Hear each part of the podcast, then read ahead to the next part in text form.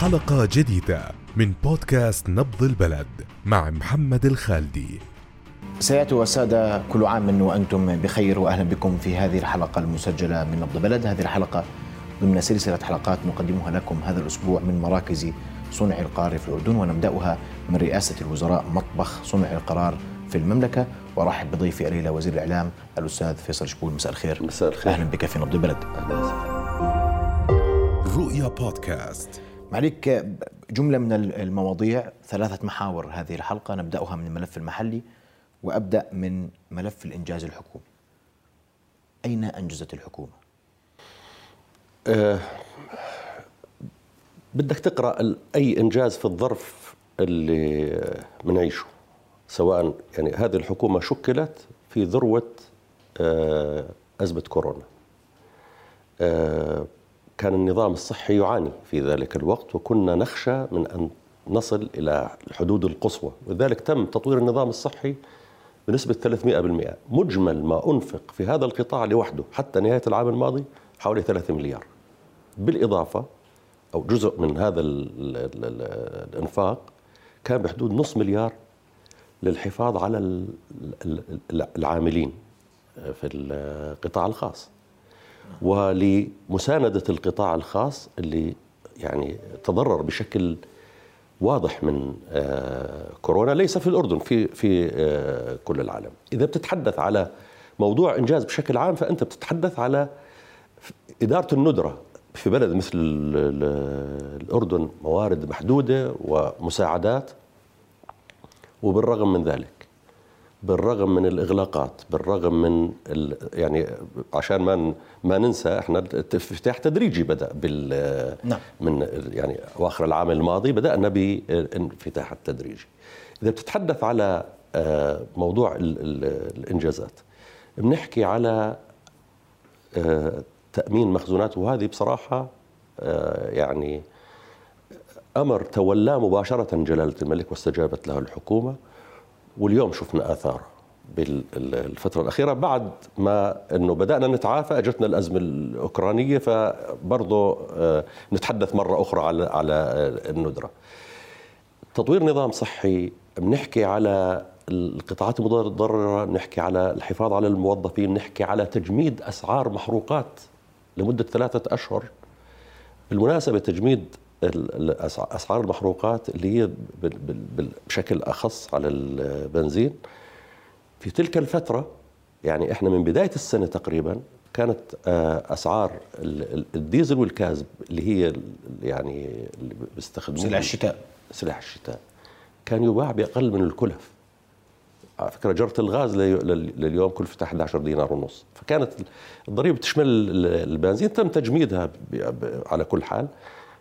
استجابة للظروف الموجودة. هذا نتكلم ببعض على الصعد الحياتية لكن ماذا أنجزت الحكومة؟ بدك تتحدث على موضوع ثلاث مسائل أساسية تصدت لها الحكومة. أولها في المجال السياسي القانوني الدستوري وهي التعديلات الدستورية قانون انتخاب آه، وقانون أحزاب. هذه آثارها بعيدة ال- ال- ال- المدى.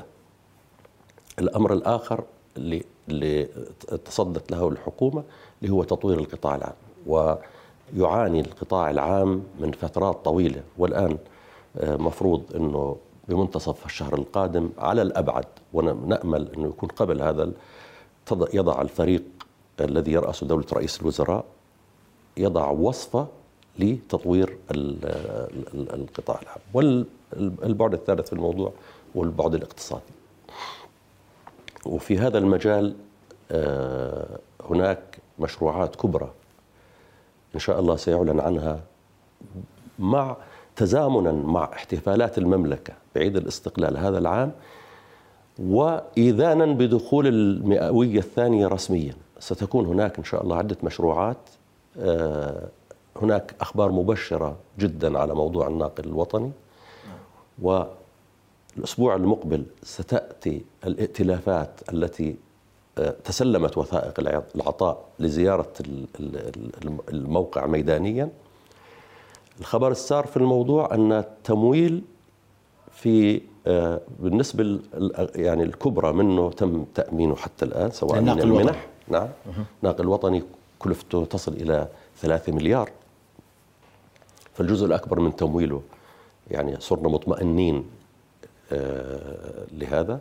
ثم لدينا مشروعات أخرى مثل المستشفى التعليمي اللي آه، يعني إن شاء الله سيكون بتمويل من آه، المملكة العربية السعودية وهو مشروع ضخم تصل كلفته إلى 400 مليون.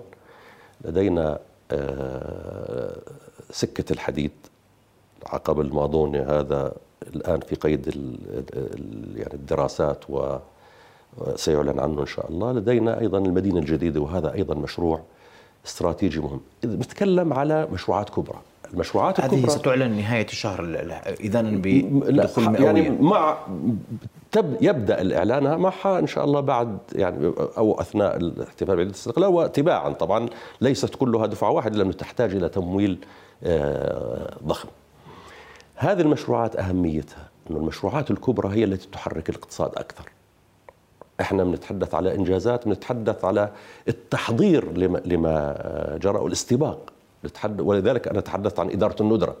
يعني التخفيضات ال- ال- ال- إعادة آه، هيكلة التعرفه الجمركية اللي كانت 11 فئة أصبحت أربع فئات. تم تخفيض ال 40% ل- من 25% ل 5% في ال- في العديد من آه، آه، أجور الشحن كيف تعاملنا في الرسوم لتخفيف غلواء ارتفاع الشحن اللي بدأ من آه، سنوات بالحرب التجارية المعروفة، الآن فوق هذا وذاك دخلت عندنا الأزمة الأوكرانية ويعني فعلت فعلها بالعالم كله و يعني نحن الآن بصدد إجراءات بدأنا فيها لتخفيف آه، يعني لأنه هذا آه، هذه أزمة عالمية وبالتالي آثارها على كل العالم و آه، الأثر الأكبر سيكون على الدول محدودة الدخل والفقيرة.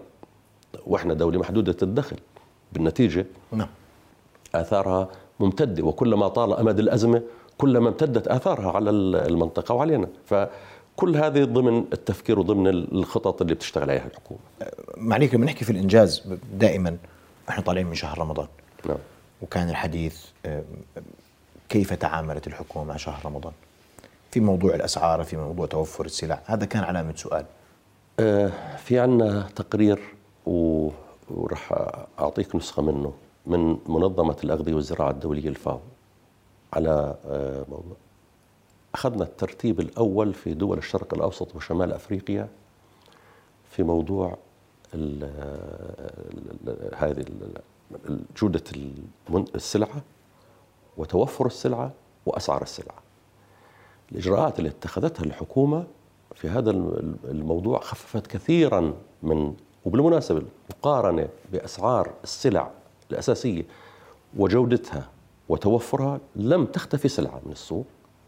السلع بيعت بأسعار معقولة بالنظر للارتفاعات الكبيرة في العالم. وأيضا إحنا عندنا أسعار حتى المواد الأساسية الخبز مثلا عندنا يباع بأقل سعر في كل المنطقة. عدة سلع. الزيوت آه، آه، لغينا الضريبة عليها ل 4% زيوت النباتية لحتى تمتص جزء من ارتفاع الأسعار اللي اللي حصل. بالمقارنات عندنا مقارنات يومية مع الأسعار في كل الدول ال- المحيطة. آه، لساتنا بالمرتبة الأولى فعلا.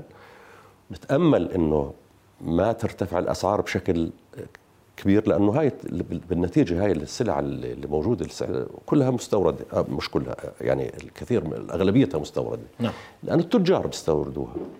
وبرضه التاجر ما مش رح يجيب يعني يبيعك بخسارة. بده يربح. ولكن إحنا تم أول اجتماع مع القطاعات التجارية مع نهاية العام الماضي. يعني بنحكي على خمس ست أشهر. بعد تخفيف إجراءات كورونا وبعد ما التبادل التجاري بالعالم أصبح توريد السلاسل صار أريح كنا متنبهين لهي القصة. وبالمناسبة فرصة إنه نشيد بتجارنا. تجارنا آه، فعلا اشتغلوا وتحملوا مسؤولية بهاي الفترة. نعم. وكثير من السلع كانت هامش هوامش أرباحهم قليلة بالفترة اللي مضت وخصوصا بعد الازمه الأوكرانية. طيب بدي أظني في هذا الإطار اسمح لي هون. تم ضبط الأسعار من قبل الحكومة؟ نعم. مش ضبط بمعنى تدخل مباشر إحنا وضعنا سقوف سعرية للمواد اللي بدأت تشهد ارتفاعات. بالمناسبة بعض المواد الغذائية في دول أوروبا يعني ما ما ضلش تصنيف شر- شرق وغرب لكن دول الشرق أوروبا هي يعني اقتصاداتها أشبه باقتصاداتنا. بعض السلع 300% ارتفعت أسعارها. إحنا آه، عندنا الارتفاعات يعني ما وصلت هاي ال- ال- المستويات.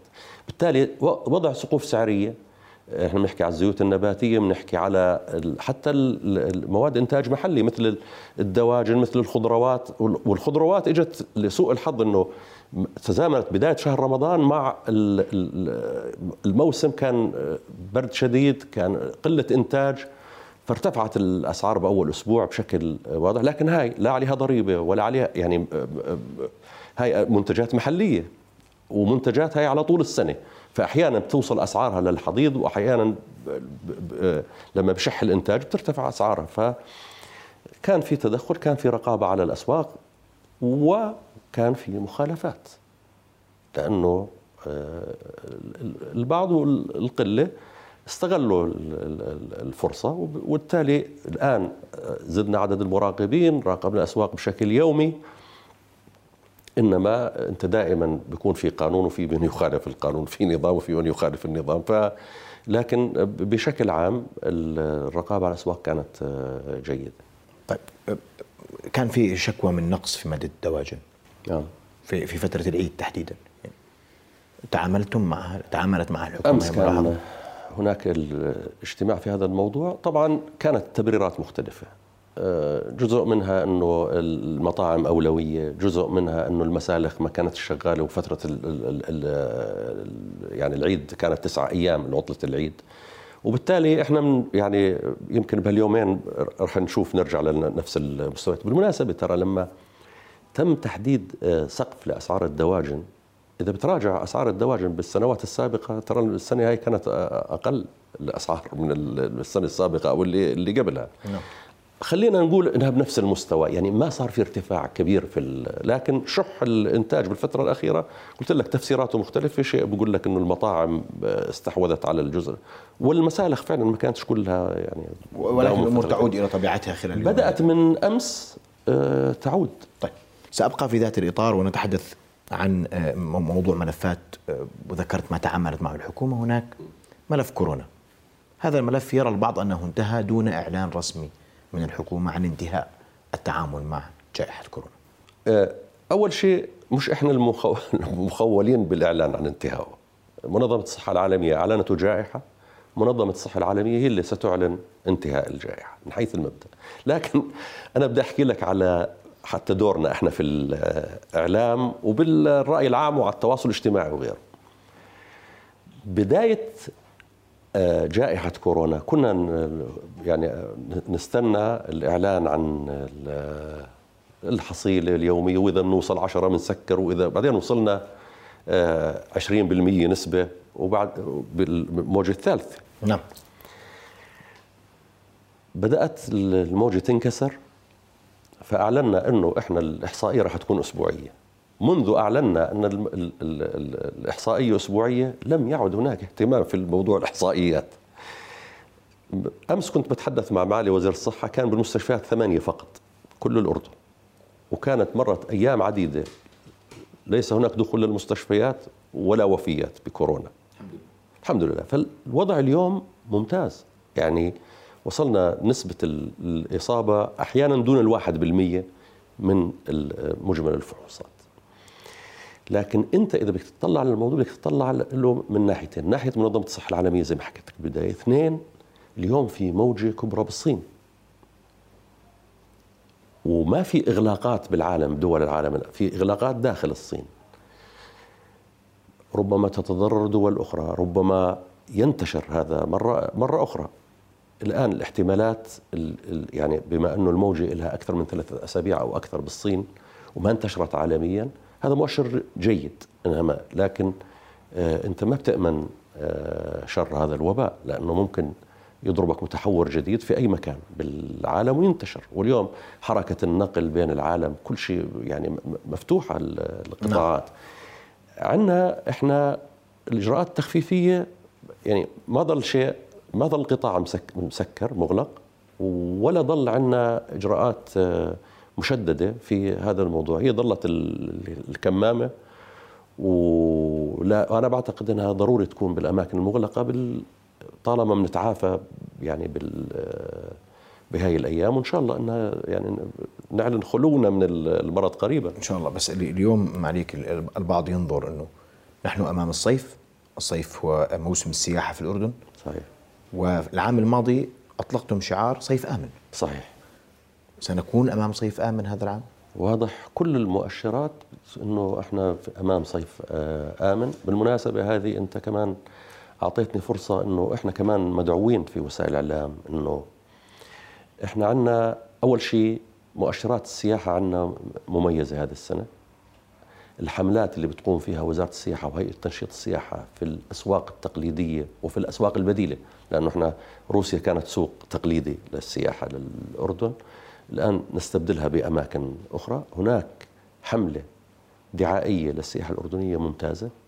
مؤشرات السياحة بالربع الأول فاقت توقعاتنا. إحنا السنة مستهدفين دخل سياحي بحدود 2.9 مليار.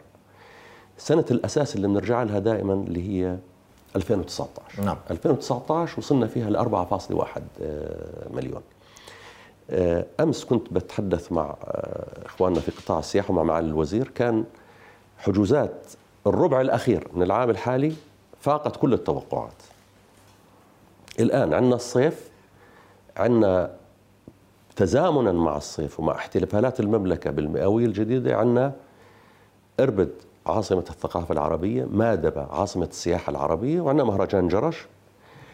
أنا بعتقد يعني فقط لا أعطيك مؤشر بعاصمة الثقافة العربية للآن محجوزين عشر أسابيع ثقافية عربية. هذا بيعني آه، من الدول العربية راح تكون في عندنا وبدنا التشبيك بين مادبه وأربد بحيث إنه نسوق كل المنتج والإمكانات السياحية بالأردن بحيث إنه يعني آه، يعني من العقبة إلى آه، أم قيس الكل يعني نستثمر هاي الإمكانات.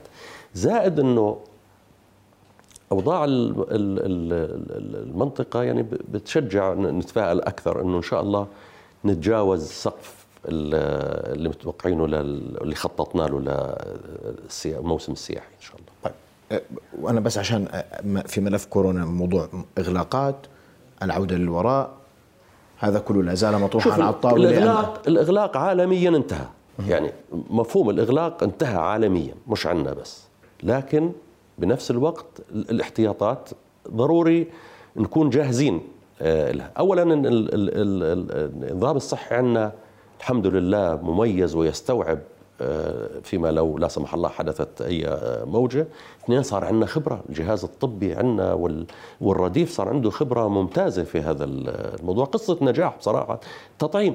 إحنا بملف كورونا إذا 18 مليون آه، جرعات مطاعيم اللي وفرناها وأربع أنواع مطاعيم نظامنا الصحي جاهز ما عندنا أي مشكلة بس إن شاء الله ما تصير. وإذا صارت جاهزين نتعامل معها لكن مفهوم الإغلاق اللي حصل أول مرة واللي دفع العالم كله ثمنه ما ما ما عاد موجود هذا بالعالم. طيب.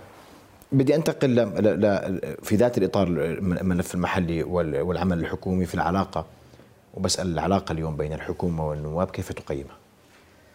أه أنا بعتقد العلاقة في مستويات آه، جيدة جدا تعاون وأبا أنا خلينا أستغل هالفرصة وأقول لك أنه هاي الدورة البرلمانية العادية التي توشك على نهايتها دورة مميزة في تاريخ الحياة البرلمانية الأردنية. مجمل التشريعات اللي نوقشت فيها مجمل السياسات اللي نوقشت فيها في البرلمان كانت مميزة هذه الدورة. طبعا أنت بتعرف على موضوع يعني اختصاص حسب الدستور السلطتين.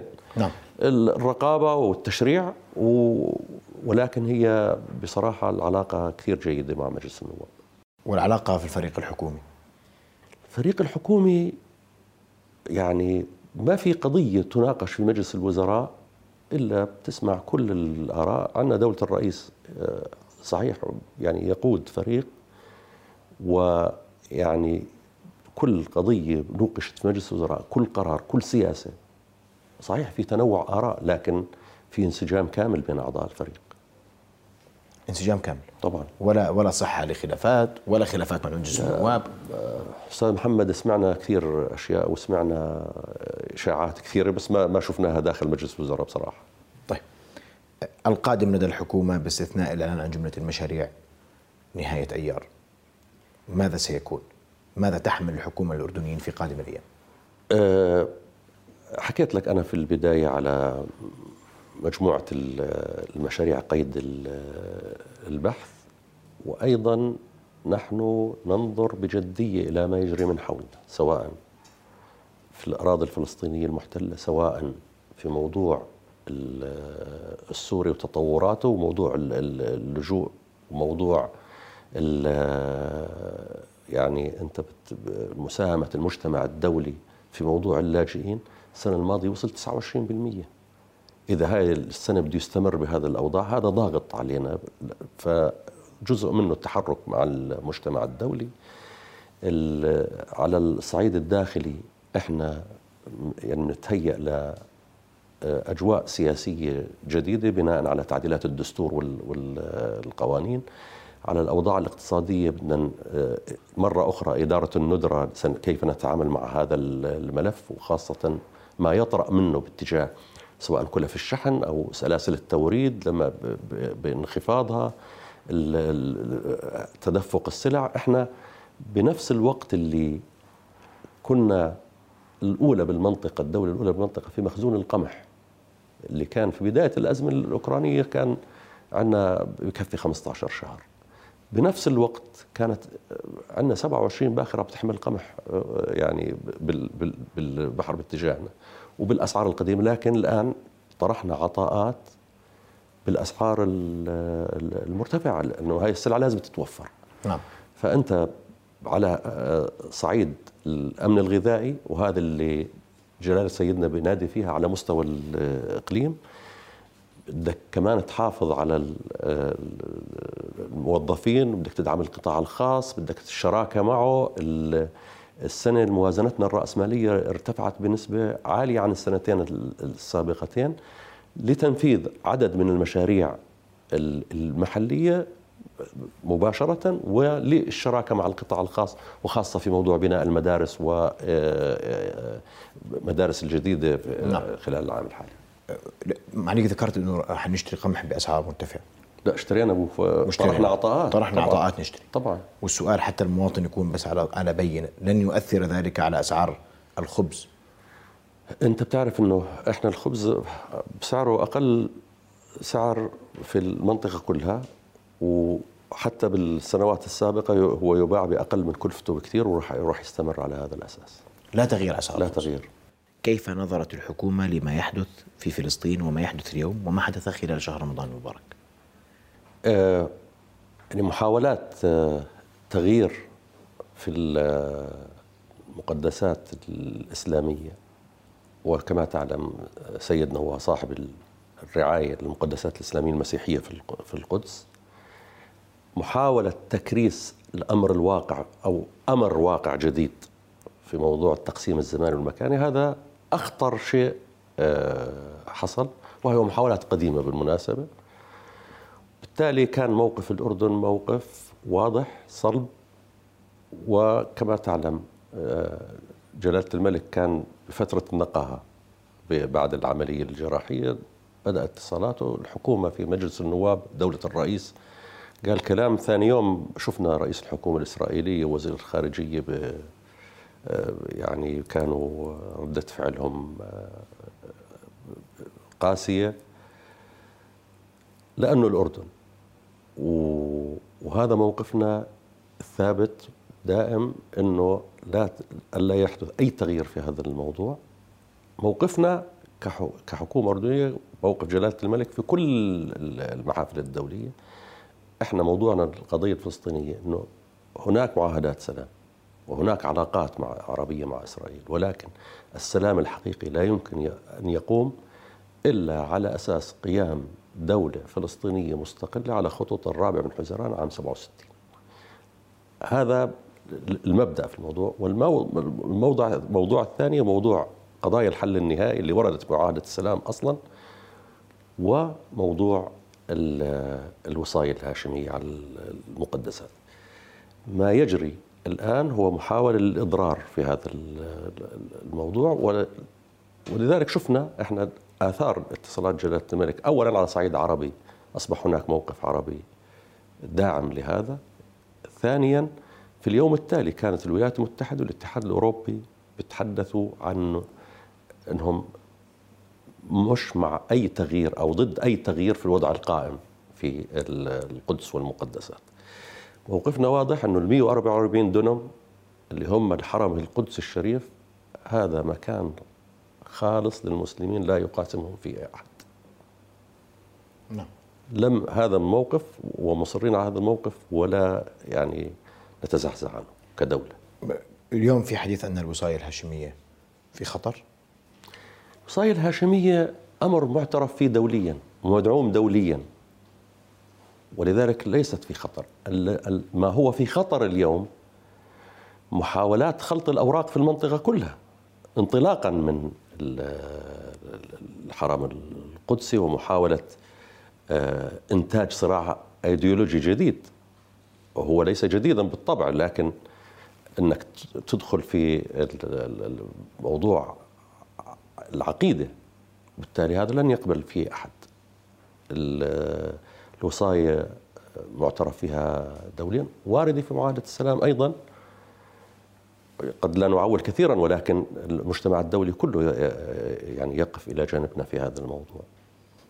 اليوم في في علاقة في هناك هل هناك من حديث أردني مع الجانب الآخر لوقف التصعيد ولا نزال نشأ التصعيد مستمر آه، حتى خلال شهر رمضان؟ غدا يبدأ جلالة الملك زيارته الرسمية للولايات المتحدة. على رأس جدول أعمال جلالة الملك دائما القضية الفلسطينية. هو الزعيم الوحيد في العالم الذي في كل المحافل الدولية دائما القضية الفلسطينية على جدول أعماله. جزء من هذا الموضوع وقف التصعيد جزء من هذا الموضوع تكريس الوصاية. جزء من هذا الموضوع دعم السلطة الوطنية الفلسطينية لليوم هي في موقف صعب. وبالتالي وتاريخيا الأردن الأقرب لفلسطين بالتاريخ والدم والروابط والمشتركة وبالتالي قدرة المو... الأردن على التأثير تنبع بالأساس من من من هذه الحقائق. فجلالة الملك سيبحث مع الكونغرس الأمريكي والإدارة الأمريكية عدة قضايا منها طبعا تجديد مذكرة التفاهم لكن القضية الأساسية في, في هذا الموضوع هو ما يجري في فلسطين. السؤال دائما ماذا نملك من أدوات؟ اسمح لي. نملك الكثير. واللي حكيت لك إياه هو أولا قدرة جلالة الملك على التأثير في المجتمع الدولي. وهذا يعني أثبتت هذه القدرة تأثيرها بالاحداث على على الدوام. ثانيا العلاقة الأردنية الفلسطينية التاريخية والامتداد الطبيعي والتاريخي هذول أهم سلاحين نمتلكهم إحنا في هذا في القدرة على التأثير بالاحداث. اليوم هل هناك هل بحث مجلس الوزراء استدعاء القائم بالأعمال استدعاء سفيرنا في في تل أبيب مثلا؟ هذا الاستدعاء القائم بالاعمال هذا إجراء بتقوم فيه وزارة الخارجية وهو جزء من يعني ليس ليس السلاح الأمضى في المواجهة.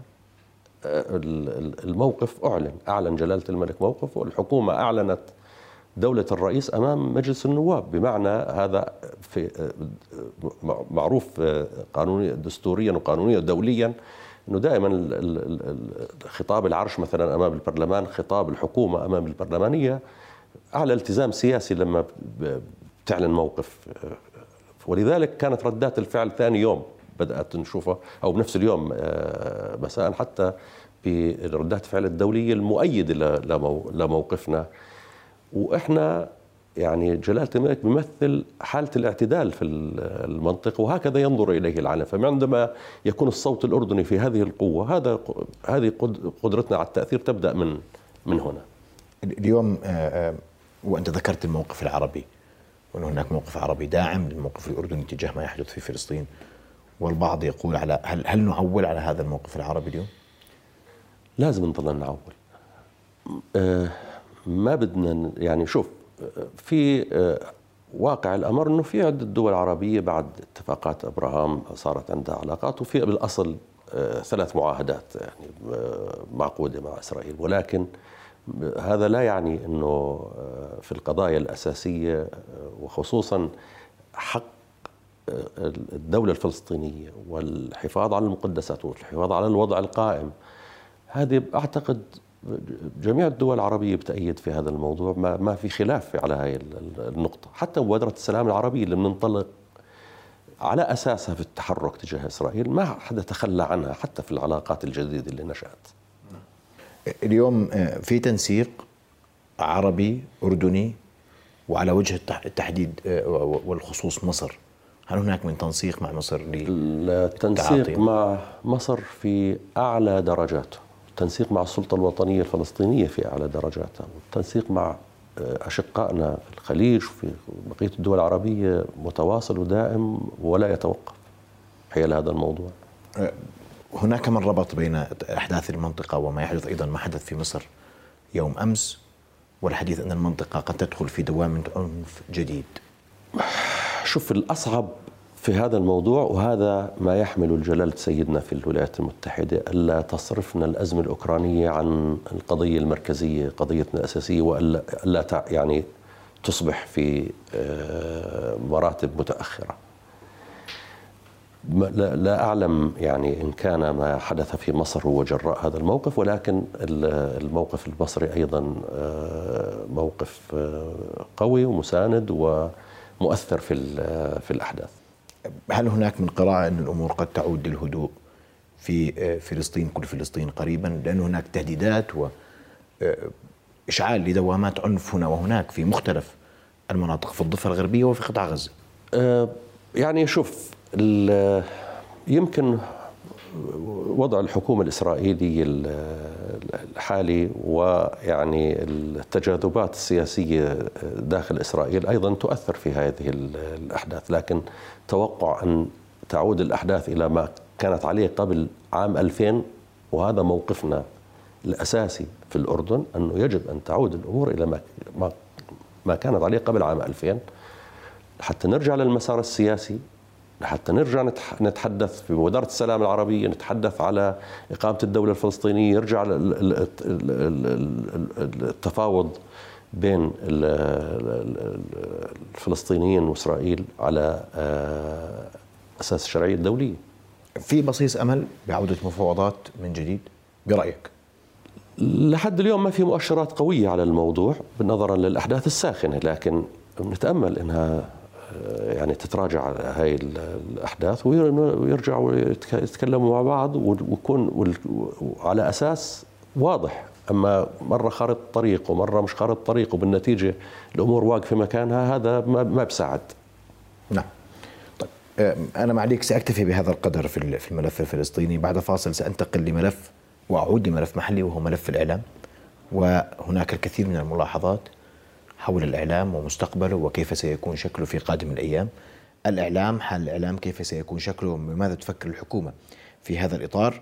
وبداية أسمع معليك تقييمك لحال الإعلام في الأردن اليوم. أه قبل حال الإعلام يعني الواجب بيقتضي أنه أه يعني وجه الشكر لكل وسائل الإعلام الأردنية مجملها مارست دور كبير جدا في موضوع التوعية والتثقيف أثناء الأزمة اللي مرينا فيها أزمة كورونا وما تلاها في القضايا المفصلية الحقيقة الإعلام الأردني يستحق التحية دائما. حال الإعلام بالأردن ليس منفصلا عن حال الإعلام في العالم تقريبا مع فروقات. الآن وسائل الإعلام بالأردن بتعاني. ومجمل وسائل الإعلام الأردنية بتعاني. وإذا بقيت الأمور على هذا المنوال المعاناة ستزيد آه، شيئا فشيئا. لا أتحدث عن قطاع واحد بتحدث عن المرئي والمسموع وعن ال- ال- المكتوب أيضا. يعني الكل في قارب عن إعلام تقليدي وإعلام حديث كله.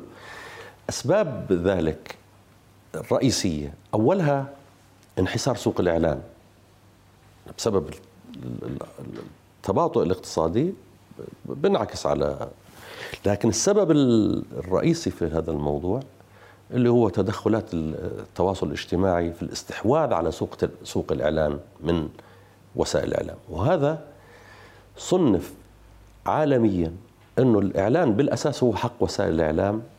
هذه وسائل استثمرت أموال بتشغل ناس بتطور مهنيا وبالتالي آه، طالما الإعلان من السوق المحلي إلى السوق المحلي فهو حق لوسائل الإعلام بالدرجة الأولى.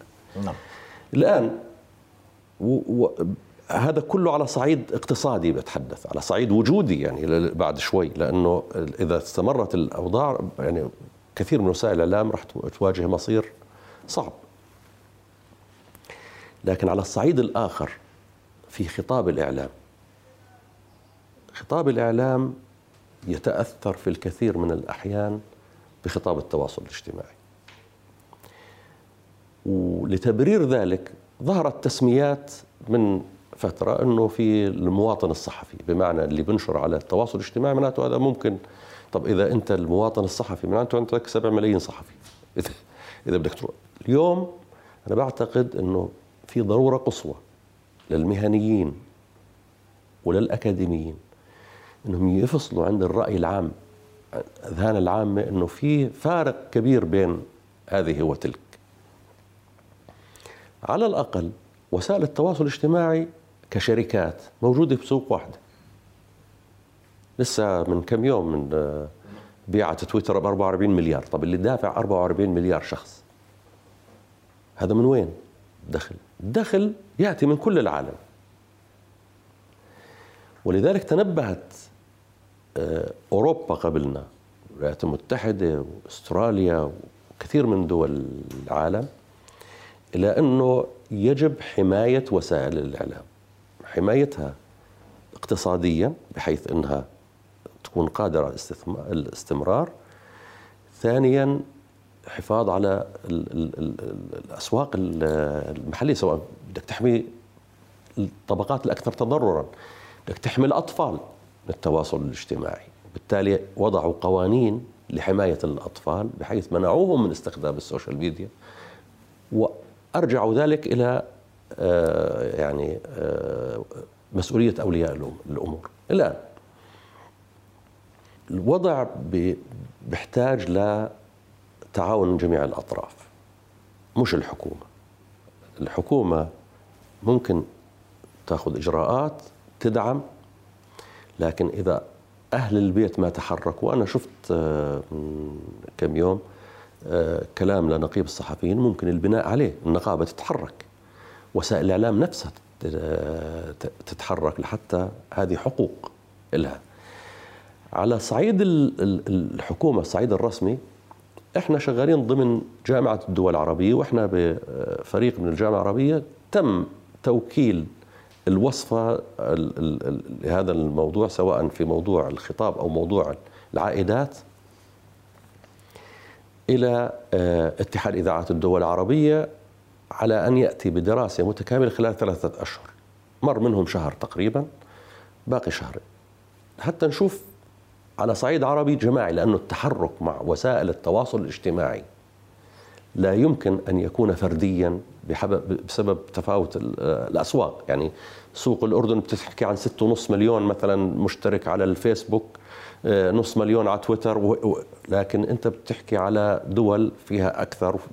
بالتالي التحرك الجماعي أفضل وهذا اللي عملته أوروبا بشكل آه، بدأت في آه، نعم. أوروبا الآن هذه اللي بت- بتبحث في موضوع العلاقة مع التواصل الاجتماعي من جهتين الجهة الأولى المحتوى ودول أوروبية وقعت مع آه، جوجل مثلا على غرامة تصل إلى 50 مليون يورو إذا لم يحذف المحتوى الخاطئ خلال 24 ساعة مثلا.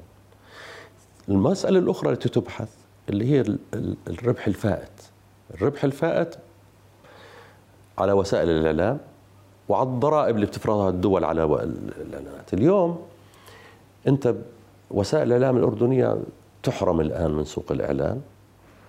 وهون كمان خلينا نناشد القطاع الخاص اللي كان يعني ينفق آه، على على حملاته الإعلانية في وسائل الإعلام الأردنية اليوم تحول جزء كبير منهم لوسائل التواصل الاجتماعي.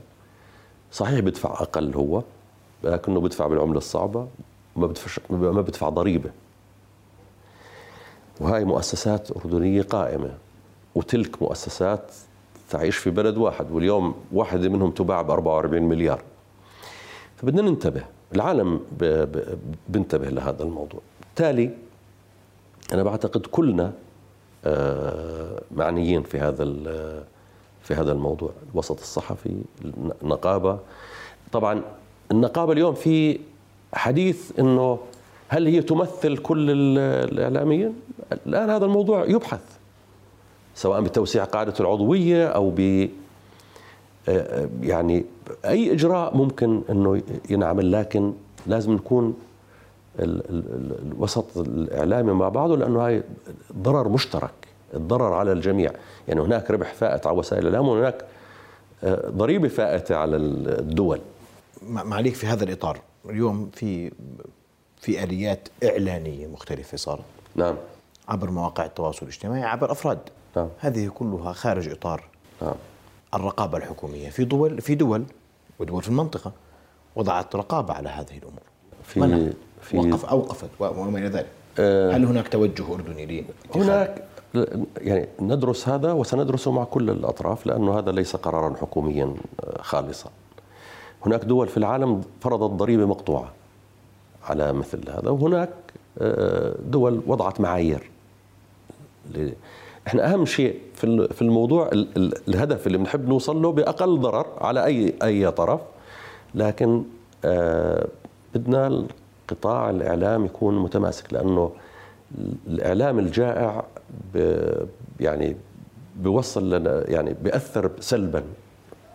ما ما بيجوز تشوف وسائل إعلام آه، تجوع وتنحسر مداخلها وبالتالي صرنا نشوف آه، الشائعات اللي كنا نشوفها على التواصل الاجتماعي صارت تنتقل أحيانا لوسائل الإعلام وهذا بسبب التنافس لأنه اليوم صارت آه، عندك وسيلة الإعلام بتتنافس قديش إلها حضور على التواصل الاجتماعي. وللأسف أنه شركات الإعلان قاعدة بتأخذ هذا المؤشر بعين الاعتبار وهذا يعني إحنا بنسأل حتى بالإعلام التقليدي بسال زملائي بالصحف وأنا عملت في كل هاي القطاعات إنه أنت صحيفة محلية و وأنا إذا بدي أقرأ النسخة الورقية صار خبر اليوم الظهر بدي أقرأه الصبح بكرة ثاني يوم ليش؟ يعني إذا ما طورت أدواتي أيضا مهنيا تحريريا بدك تروح للتحليل بدك تروح للأخبار الخاصة فيك الرأي مقال الرأي. هذا اللي بدأت تتحول في الصحف ثم تحول إلكترونيا للصحف. وهي لكن مرحلة مكلفة والآن الوضع ما بيسمح الاقتصادي للصحف. لكن آه، بالنتيجة أنت لما بيكون عندك إعلام مرتاح آه، إعلام مهني آه، بالتأكيد حتى في أقصى درجات النقد بيكون نقد مهني ما بيكون آه، نقد شخصي. آه، بالإضافة لذلك إحنا عندنا اليوم آه، ظاهرة التقييمات. بمعنى؟ يعني تقييم بيئة الإعلام بالأردن بتتولاها مؤسسات في الخارج ومؤسسات بالداخل. بس إحنا بنقول إنه هاي المؤسسات سواء تمويلها محلي أو تمويلها أجنبي أو هي مؤسسات مرخصة. ولكن أنت ما يعني مرخص لقطاع معين أو لمهنه معينة أو لقضيه معينة بتدرمل عليها دراسات على الأقل التزم بالترخيص اللي أنت فيه. يعني التزم قانونيا. مطلوب منا نلتزم إحنا بالقانون وال وهي هاي المؤسسات كلها بدها تلتزم. بالنتيجة إحنا في حوار مفتوح. ما عندنا قيود آه، على هاي المؤسسات آه، ولا عندنا يعني حتى رقابة عليها ما عندنا. حوكمة آه، معروف بيطالبونا بالحوكمة وإحنا ما ما طلبناهم بهذا. لكن التزم بالقطاع اللي أنت بتشتغل فيه. بالتالي مشان ما تختلط الأمور على بعض أنت بتكون معني بقطاع الزراعة بعدين بتقيم قانون الانتخاب. يعني فخلينا يعني هذا هذا جزء من الإصلاح في في الموضوع اللي بنفكر فيه. نعم. لأنه آه، حوكمة هذه القطاعات وإلزامها بالبقاء فقط ضمن تخصصاتها التزم بترخيصك. بغير ذلك بتكون مخالف. طب في ذات الإطار وأنت ذكرت مواقع التواصل الاجتماعي وتأثيرها وانحسار الاعلام من وسائل الإعلام إلى مواقع التواصل الاجتماعي والحديث أيضا عن السلبية. نعم. والسوداوية. والمغالطات والشائعات. هذه كلها منتشرة على مواقع التواصل الاجتماعي. هل لدى الحكومة هل في جعبة الحكومة ما يمكن تقديمه لوقف هذه الأمور؟ يعني شوف في بعد قانوني بالموضوع وانت هذا يعني مش مش كل يوم بدك تروح آه، ترفع 100 قضية على شائعات وعلى أخبار. لكن إحنا عملنا الواجب اللي علينا ولازم نعمله. وبدأنا بخطوات أساسية. بدأنا بتدريب الناطقين الإعلامي اسم الوزارات لحتى تكون روايتنا على الطاولة دائما. والجزء قبل نهاية العام إن شاء الله راح نستكمل هذه الحلقات بحيث إنه كل المؤسسات العامة يكون عندها ناطقين. التدريب المستمر للصحفيون لخريجي الصحافة أيضا. بدأنا بمشروع تدريب 40 خريج في قطاع السياحة. رح ندخل على القطاع الصحي رح ندخل على قطاعات أخرى. تدريب نوعي يعني لمدة طويلة ومدفوع الأجر ضمن تمويل معين. الآن كلما اقتربت من يعني التأهيل المهني بتكون الأخطاء أقل من جهة وبكون حجم الإشاعات بقل بقدر ما بتم تعطي المعلومات. إحنا عندنا قانون حق الحصول على المعلومات من أول الدول العربية اللي عملت آه، حق الحصول على قانون حق الحصول على المعلومات. تفعيله مهم وأساسي وإتاحة المعلومة أساسية بشكل دائم. نتقدم لكن أيضا أنت يعني بتدرب مثلا 24 ناطق إعلامي مش كلهم بنفس السوية بدك تكرس هاي كنهج إن شاء الله رح ندرب بقية الناطقين باسم الوزارات آه، تشجيعهم على يعني آه، الإفراج عن المعلومة بسرعة لحتى ما نخلي نحاصر الإشاعة قدر الإمكان. بالمقابل في ناس عندهم إنه بيعتقدوا إنه هو حتى الشتم جزء من الحرية. الشتم هذا مش جزء من الحرية. هذا بيعبر عن ثقافة والأساس إنها ما تكون بمجتمعنا وبالتالي يعني أنا وياك لما بنكون بأي جلسة اجتماعية بتشوف العالم الحقيقي للأردنيين إذا بتتصفح بعض مرات وسائل التواصل الاجتماعي بتحس إنه مش هذول نفسهم اللي كانوا اللي كنت معهم قبل شوي. بالتالي هل الفارق هذا بين العالم الافتراضي والعالم الحقيقي؟ هون هي القصة. بالإضافة لذلك إحنا في استسهال. يعني عندك صفحة على وسائل واحد من وسائل التواصل الاجتماعي وأنت كاتب خبر نفترض أو أي قضية طرحتها. طب هذا الشتم اللي تحت مسؤوليتك؟ بالمناسبة في صارت هذا النقاش بالعالم موجود وصارت في قوانين في هذا الموضوع إنه أنت بدك تتحمل مسؤولية كمان.